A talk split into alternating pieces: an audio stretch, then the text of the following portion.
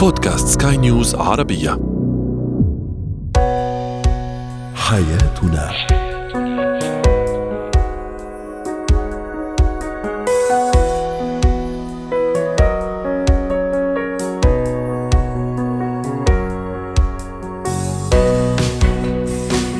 مستمعينا الكرام أهلا بكم معنا إلى حياتنا. فضاؤكم اليومي الذي يعنى بشؤون الأسرة وباقي الشؤون الحياتية الأخرى والذي يمكنكم الاستماع إليه عبر منصة سكاي نيوز عربيه dot com slash podcast وباقي منصات سكاي نيوز العربيه الأخرى. شاركونا عبر رقم الواتساب 00971 561 8862 اثنان معي أنا أمال شاب. اليوم نتحدث عن الاهتمام الزائد بالشريك. هل يقوي العلاقة بين الزوجين أم يفسدها؟ متلازمة الرضيع أو طفل الرضيع المهزوز مخاطر هز الرضيع. هذا موضوعنا أيضا اليوم في زينة الحياة. وأخيرا الحديث الحديث الداخلي مع النفس ما هي إيجابياته وسلبياته؟ هو وهي. الاهتمام من أفضل الطرق للتعبير عن الحب وإظهار الود للطرف الآخر للشريك الحديث هنا للزوج أو الزوجة. يحتاج له جميع الأزواج والزوجات في الحقيقة آه، حتى يكملوا مسؤوليات الحياة المتعبة ويتحملوا مسؤوليات هذه الحياة الزوجية. لكن عندما يكون الاهتمام زائد عندما يكون الدلال زائد أيضا ما هي إيجابياته وما هي سلبياته؟ رحبوا معي بالدكتورة كريم إيليا المستشارة النفسية والأسرية. سعد أوقاتك دكتورة كريم. يقال إذا زاد الشيء عن حده انقلب إلى ضده. هل الأمر كذلك مع الاهتمام؟ هذا الشيء الحلو الجميل اللي ما في حدا منا ما يحبه. صحيح الاهتمام شغلة أساسية وضرورية بين أي اثنين. وبس نحكي عن الثنائي يعني هي شغلة ضرورية جد يعني مرتين زيادة. ولكن وقت نحكي عن الدلال الزائد مثل ما تفضلتي وقلتي هون ضروري نفهم آه، شو قصدنا بالدلال الزائد. لأنه تعريف الدلال الزائد هو بيختلف كثير بين ثنائي لآخر بين شخص جاي من بيئة وعم يتزوج بشخص ثاني من بيئة مختلفة. سو so, منطقي ومفهومي للدلال هو مختلف.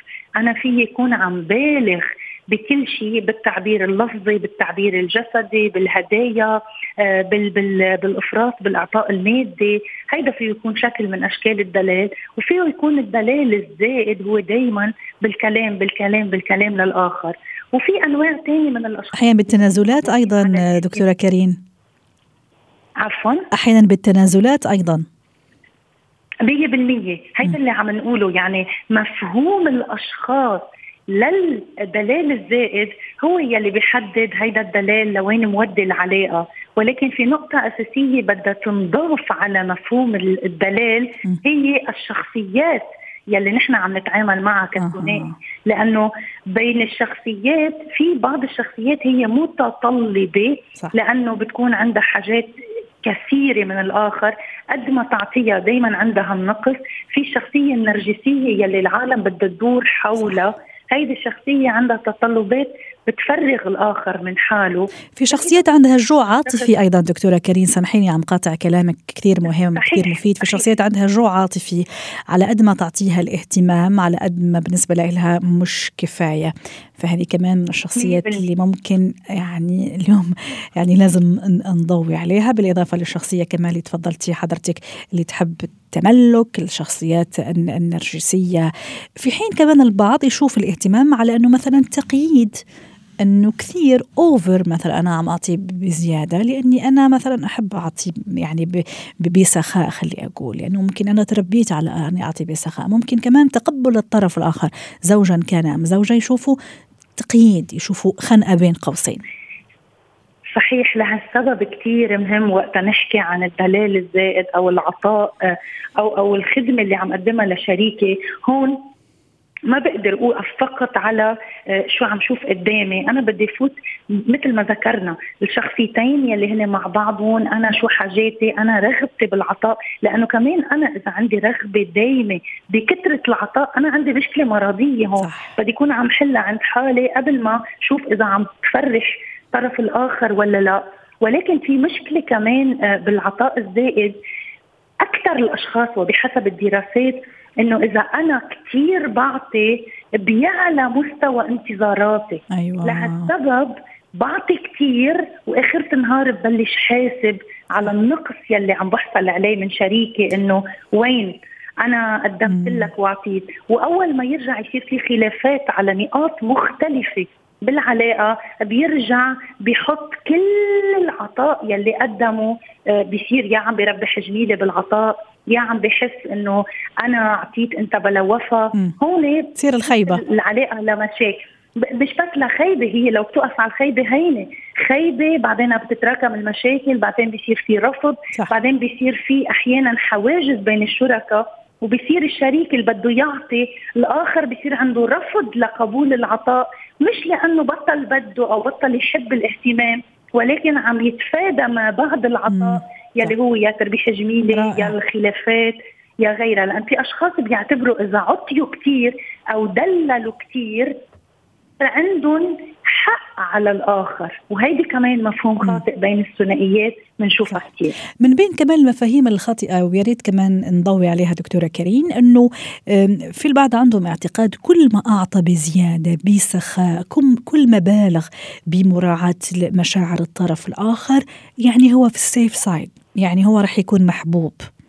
هذه كمان مشكلة. هي اللي, هي اللي ذكرتها بالأول مم. إنه أنا بس أعطي كثير بدي أشوف شو طبيعة الشخصية اللي قبالي. لأنه إذا أنا أعطيت لشخصية ما بتقدر لا ما بكون على ال safe side بالعكس أنا بضل عايش حالة قلق ولا كمان هذه مشكلة في أنا دكتورة يعني أنا كشخص أقدم بسخاء أنا كمان عندي مشكلة عدم تقدير الذات يعني في النهاية أنا لا أقدر فقط لأني عم أعطي اهتمام زيادة أنا عم أقدر لأني شريك رائع لأني شريك متفهم لأني أم مسؤولة أو أب مسؤول و و و. فكمان موضوع تقدير الذات هذا يلعب آه، دور كبير. طيب دكتورة في ترمومتر إذا صح التعبير؟ في مقياس كده زي مقياس الحرارة أقيس به هذا الاهتمام. إذا أنا عم أهتم بالشكل الصحيح والطرف الآخر كمان عم يستقبله بالشكل الصحيح ولا لا أنا حتى يعني عن الموضوع. يعني أنا آه، عم أعطي اهتمام آه، عم فكر خارج السرب إذا صح التعبير في موضوع الاهتمام. ابدا. نحن لهالسبب بالاول ذكرنا إنه وقت نعطي كثير بشكل دائم. يعني أحيانا كثير أنا عندي رغبة انحب أو أو أو أكون مرغوب أو مقبول من شريكي. لهالسبب ببالغ بالعطاء. واحيانا ما بعرف أحط حدود لعطائي. صح. آه في مقياس أو معيار أكيد لا. ولكن المقياس والمعيار هو المسافه الآمنة بين أنا راحتي النفسيه وراحة شريكي. يعني كل ما أنا عندي مسافة آمنة هي هي هالخيط يلي بيفصل بين الاوفر أو الخنقة يلي بعملها للشريك وبين إنه العلاقة بعدها عم بتعيش بمتنفس. وهون كثير ضروري وما بقدر ما أذكر إنه بس بدي أحكي عن العطاء لحتى تضل العلاقة صحية. أنا هون بدي أذكر كل النقاط يلي بنحكي فيها بالحلقة معي عن العلاقة لتكون ناجحة لأنه العلاقة ما بقيسها فقط إذا بده يصير فيها مشاكل أو بدها تنضغط إذا أنا عم بعطي صح أو عم بعطي على القد أو عم بالغ بالعطاء لغطي على مشكلة ثانية العطاء بده يكون معتدل متوازن صح. على حجم قدرات الشريك على استيعابها على قدر على قدر انتظاراتي أنا كشريك وعلى قدر ما العلاقة ماشية صح. لأنه مع الوقت بدي لاحظ إذا أنا عم بعطي كثير والعلاقة عم تختنق عم بتكون فيها مشاكل معناتها عطائي غير صحي بدي أعمل بلان بي بدي أعدل بمفهوم العطاء لأنه طيب. خطتي إني أعطي كثير لأكسب شريكي ما نجحت. 100% دكتورة باختصار شديد إذا أنا من الناس من الزوجات مثلا اللي فعلا الزوج عم يعطيني اهتمام over زيادة أو زوج من الأزواج اللي زوجته عم تعطيه اهتمام over لدرجة التقييد إذا صح التعبير. في طريقة كذا أنبه بها الطرف الآخر إنه ترى هذا الاهتمام مش صحي خلي أعمل balance أو أعملي balance باختصار. مش عايز نبه بقدر ما أنا عايز دايما ذكروا إنه علاقتي معك منا واقفة على هودي النقاط اللي عم بتقدمهم، أنا بحبك كيف ما كنت، أنا بحب العلاقة بكل ظروفها، هودي إشياء حلوة ولكن خلينا نعرف نحطهم بالمطرح الصحيح، وبتقدر تعطيه أمثلة على هي شو عم بتقدم بالعلاقة لحتى يكونوا عم يخلقوا توازن، بس كمان مرة بدنا نلاقي طريقة لأنه أحيانا كثير الشخص اللي بيعطي كثير بيصير حساس كثير على أي ملاحظة من الآخر. لأنه بفكر إنه إذا عطى كثير الآخر ما بيقدر. مثل ما مثل ما في مثل بيقولوا طعم العين طعم الدم تستحي العين. هيدي هيدا المثل موجود. إنه بتقولي له بتعطيه كثير ما بتعود متوقع إنه ممكن أحصل على ملاحظة من شريك. صح. وإذا حصلت عليها معناتها الاكتئاب وخيبة الأمل والدموع والمدري إيش والبوز الطويل. بملاحظة إنه خنقتني يا زلمة. إيه. خنقتني بتجرح كثير وبتعمل blocage. صح. ونحن بنكون بمطرح بننتقل على extreme ثاني وانتبه الاثنين extreme اثنينهم منهم صحيات صحيح صحيح. extreme مرضية. صحيح. والتطرف منبوذ في كل شيء حتى في عواطفنا ومشاعرنا والتوازن هو الشيء الضروري كمان في مشاعرنا وعواطفنا. شكرا لك دكتورة كريم. إيليا ضيفتنا. الدلال حلو كثير بالعلاقة أكيد. شكرا لك دكتورة. كفيتي ووفيتي وأتمنى لك يوم سعيد. زينة الحياة. تلجأ الكثير من الأمهات الآباء والجدات وحتى الأبناء وكل من يقوم برعاية الرضيع أو الطفل الصغير الرضيع تحديدا إلى هزه أحيانا بغرض تدليله اللعب معه أو إسكاته أو ممكن حتى نخليه ينام. هذا ما يعرف بمتلازمة الطفل الرضيع المهزوز. عندها خطورة؟ عندها إيجابيات؟ عندها سلبيات؟ دعونا نتعرف على هالموضوع مع دكتور سامح العظيم اختصاصي طب الأطفال. يسعد أوقاتك يا دكتور. لماذا سميت متلازمة الطفل الرضيع المهزوز؟ أهلا وسهلا بك يا امال واهلا بالسادة المستمعين. وبداية بحب أحييك على اختيار الموضوع. الله يخليك. آه لأن هو الحقيقة منتشر جدا وبعض الناس ما بتنتبهش هو سميت بمتلازمة الطفل المهزوز لأن هي ناتجة عن الهز الشديد والعنيف للطفل فبتؤدي إلى مشاكل ومضاعفات كثيره جدا. بداية لازم نعرف إيه الأسباب، إيه إيه المرض نفسه أو إيه المشكلة؟ المشكلة نفسها طبعا إن نتيجة إن الطفل لسه العضلات رخوة، الأنسجة واهية إلى حد ما، فمع الرج العنيف أو الاهتزاز العنيف ده ممكن يسبب مشاكل كتيرة في الجهاز العصبي للطفل أو في العظام والعضلات بتاعة الطفل. الكلام ده بيخلي الطفل عصبي جدا ممكن عنده قيء وزواع شديد ممكن يؤدي في بعض الأطفال للأسف لمشاكل التشنجات والصرع وقد يؤدي إلى شلل وغيبوبة لا قدر الله. ممكن يأتي للموت لا قدر الله إذا دكتور سامح؟ وقد يؤدي وفاة. في النهاية إلى الموت. ولكن لازم نوضح للأمهات والآباء بس علشان ما يتخيلوش لا أنا مش صح. هدلل طفلي أو أنا مش ههدهد طفلي. الهدهدة شيء والتدليل شيء والهز العنيف شيء تاني. طيب هل في أب أو أم هيهز طفله هز عنيف؟ للأسف آه. آه للأسف بعض الأطفال في بداية عمرهم طبعا زي ما بنتكلم دايما عندهم آه بكاء شديد وبكاء غير مسبب. م. أحيانا البكاء ده بيسبب توتر وضغط عصبي للأم والأب صح. وبيسبب مشاكل كثيره جدا جدا نفسية عندهم. بعض الأمهات بيوصلوا إنها تهز طفلها أو ترجه بشدة متخيلة إنها بتسكته. يا الله. أحيانا بعض الأمهات من السهر المتواصل وعدم النوم والضغط العصبي اللي بيمثل لها البيبي بسبب بكائه المستمر وعدم توقفه عن البكاء بتفقد جزء من تركيزها وجزء من إحساسها بطفلها فبتضطر إنها تهز الطفل. بعض أنواع العنف الأسري من بعض أنواع العنف الأسري إنهم يهزوا الطفل أو يعملوا حركات عنيفة للطفل. فالحقيقة إن الاكتئاب والتوتر والعنف الأسري والمشاكل الزوجية اللي كنت بتتكلمي فيها من شوية هي سبب من أسباب المشكلة دي لأن بتخرج الأم والأب عن الوعي تماما فبيهزوا الطفل هزة عنيف فبتؤدي إلى المشكلة دي. رائع صراحة مشكلة. مشكلة. ممكن الواحد يعني مش مش عارف إنه وهو عم يعمل هيك مع ابنه مع رضيعه عم يضره، طيب إذا زي ما تفضلت هذا الطبطبة البسيطة أو يعني إني كذا هدهد عليه أو هدادي عليه يعني كيف تكون وكيف تكون آمنة وفي السيف سايد وأنا ما عم ضره؟ لكن في نفس الوقت زي ما تفضلت عم أدلله يمكن عم أداعبه عم ألاعبه أو عم أجهزه كمان لمرحلة النوم دخول في النوم.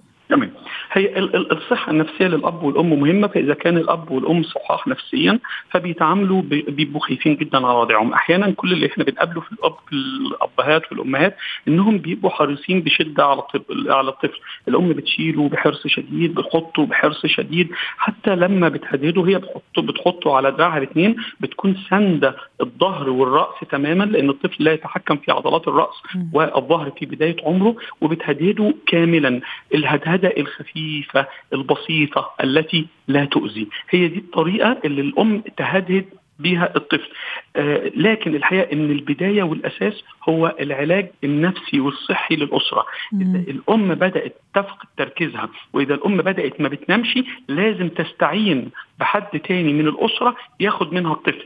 ما تحاوليش تضغطي نفسك وتفضلي صاحية الأيام دي وتحسي بمسؤولية. إذا بدأ الأب والأم يحسوا بالتعب لازم يروحوا للدكتور ولازم يقعدوا معاه ولازم هو يفهمهم ويوصلهم. حتى نصل في بعض الدرجات إن إحنا بنحول الأب والأم لمعالج نفسي عشان نهديهم لأن هي مشكلة عصبية تأثر على الطفل. لما بنتكلم مع الأب والأم في المضاعفات الشديدة اللي ممكن تحصل من مشكلة الطفل المهتز أنت لا تتخيليها أمال إحنا بنتكلم عن العمى لا قدر الله سواء جزئي أو كلي المشاكل السلوكية اللي بتظهر بعد كده إعاقات ذهنية اضطرابات النوم عندنا مشاكل عصبية عنيفة نتيجة لمتلازمة الطفل المهزوز للأسف.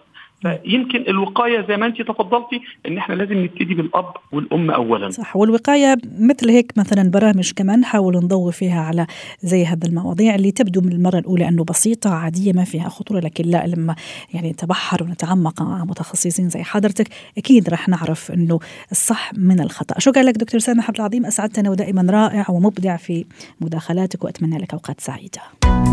مهارات الحياة.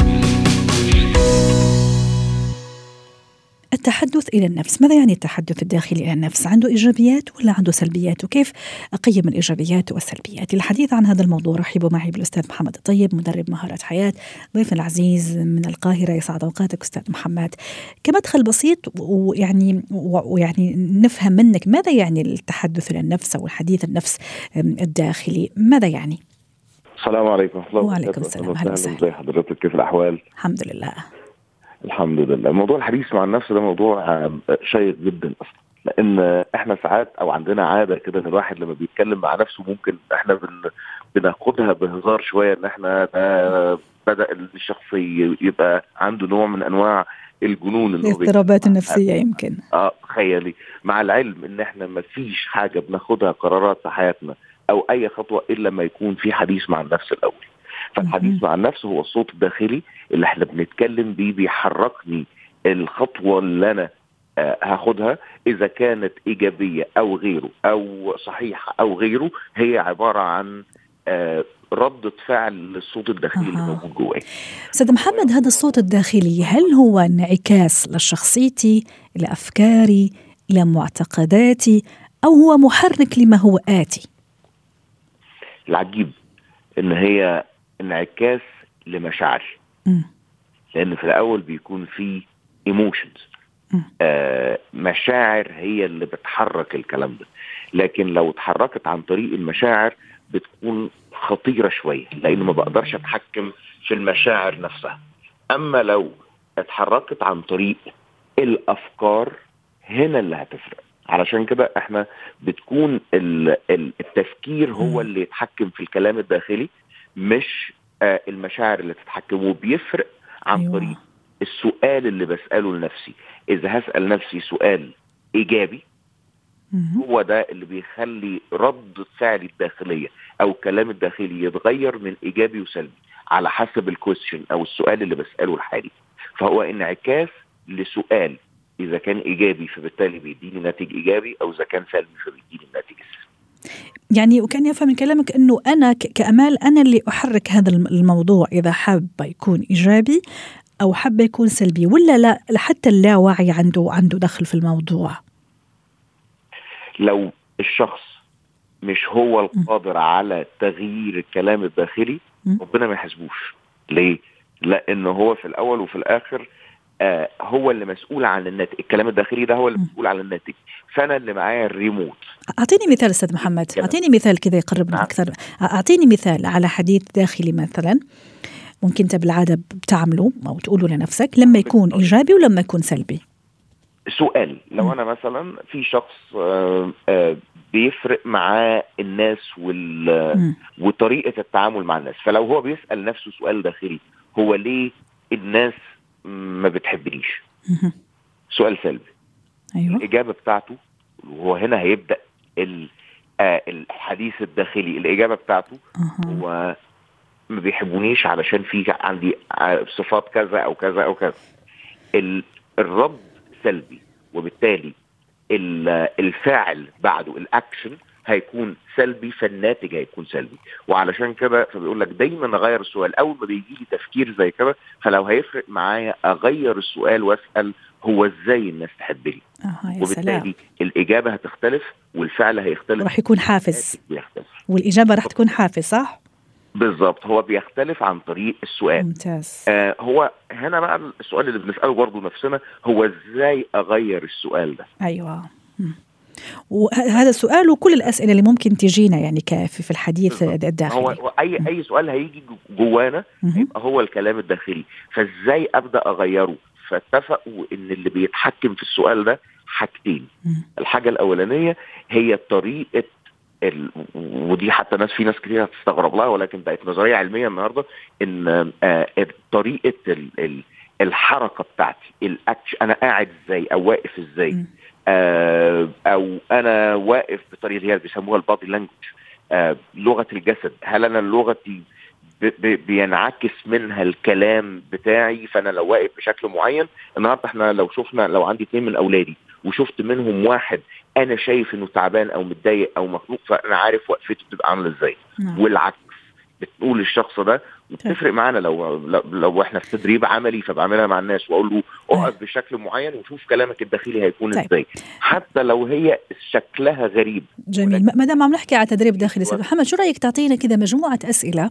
هي تعتبر سلبية لما يعني لما يدور هذا الحديث الداخلي وتعطيني المقابل فيها ومقابلها الإيجابية. بمعنى أكيد في مجموعة أسئلة ممكن كثير الناس يتسالوها داخليا مع لما يكونوا يعملوا هالحديث واعطيني شو الخطأ وشو الصحيح. حلو جدا. أنا بس كنت قلت حاجتين إن هي الحركة اللي هي بتحدد والحاجة الثانية عشان قبل ما أقول الأسئلة هو التركيز الفوكس على إيه؟ أنا بركز على إيه في حياتي؟ هي دي اللي هيفرق معاها معايا موضوع الأسئلة. لأن النهارده لو اديت آه. الأسئلة نفسها الفرق ما بين الإيجابي والسلبي ده إيه وده إيه من غير ما أقول أنا هركز على إزاي؟ يبقى الأسئلة نفسها مش هتقدر تغيرني فأقول لحضرتك ساعات لما بنكون داخلين على ال social media. النهارده لو أنا موجود على أي نوع platform من اللي موجودة إذا كان فيسبوك أو غيره فالنهاردة إحنا بنشوف ده وكل اللي سامعيني بيشوفوا ده لو ركز على منتج معين أو فكرة معينة أو صورة معينة تلاقي دايما ال صور تجي أنا شغال عليه مم. يجيب لي صوره صح. يجيب لي منتجاته بيجيب لي حاجاته مم. هنا بيتعامل بنفس الطريقة طيب. فساعات أنا ببقى عايز إن أنا أجيب الشيء الفلاني على ال social media ومش عايز أدوس عليه عشان البرنامج ما يبدأش ياخد منه. يفهم إن أنا عايز ده. المخ بيتعامل بنفس الطريقة. طيب. يعني ال focus التركيز. طيب. بقينا دقيقة تقريبا ممكن تعطينا الأسئلة ال- ال- يعني بشكل عام أكيد لأنه في النهاية كل واحد عنده حديث داخلي مع نفسه لكن آه، بالعموميات لا. أستاذ محمد. الأسئلة إن اللي دايما بتتحول بالهاو إزاي إني أغير إزاي إني أتحسن إزاي أكون أفضل. الأول ما بتكون بصيغه إزاي. دي بتبقى دايما أسئلة إيجابية. رائع. مش لماذا؟ اللي بتكون كيف؟ آه بالظبط. بالظبط. أما الأسئلة اللي ليه في أوقات كتير بتكون سلبية. ليه أنا الناس آه آه ب- ب- بتهاجمني؟ ليه أنا الناس بت بتكرهني؟ ليه أنا فاشل مثلا في آه، الحياة؟ بالظبط. ب- بالظبط فال ال- بعد كده ممكن دي تغيرني لكن مش في الأول. مم. ال- السبب اللي واضح. بتبدأ بلماذا واضح. واضح. شكرا لك أستاذ محمد. طيب وفعلا موضوع شيق ورائع وخلينا نركز على الإيجابيات في كل حياتنا. يعطيك ألف عافية. حياتنا. ختام حلقة اليوم من حياتنا. شكرا لكم وإلى اللقاء.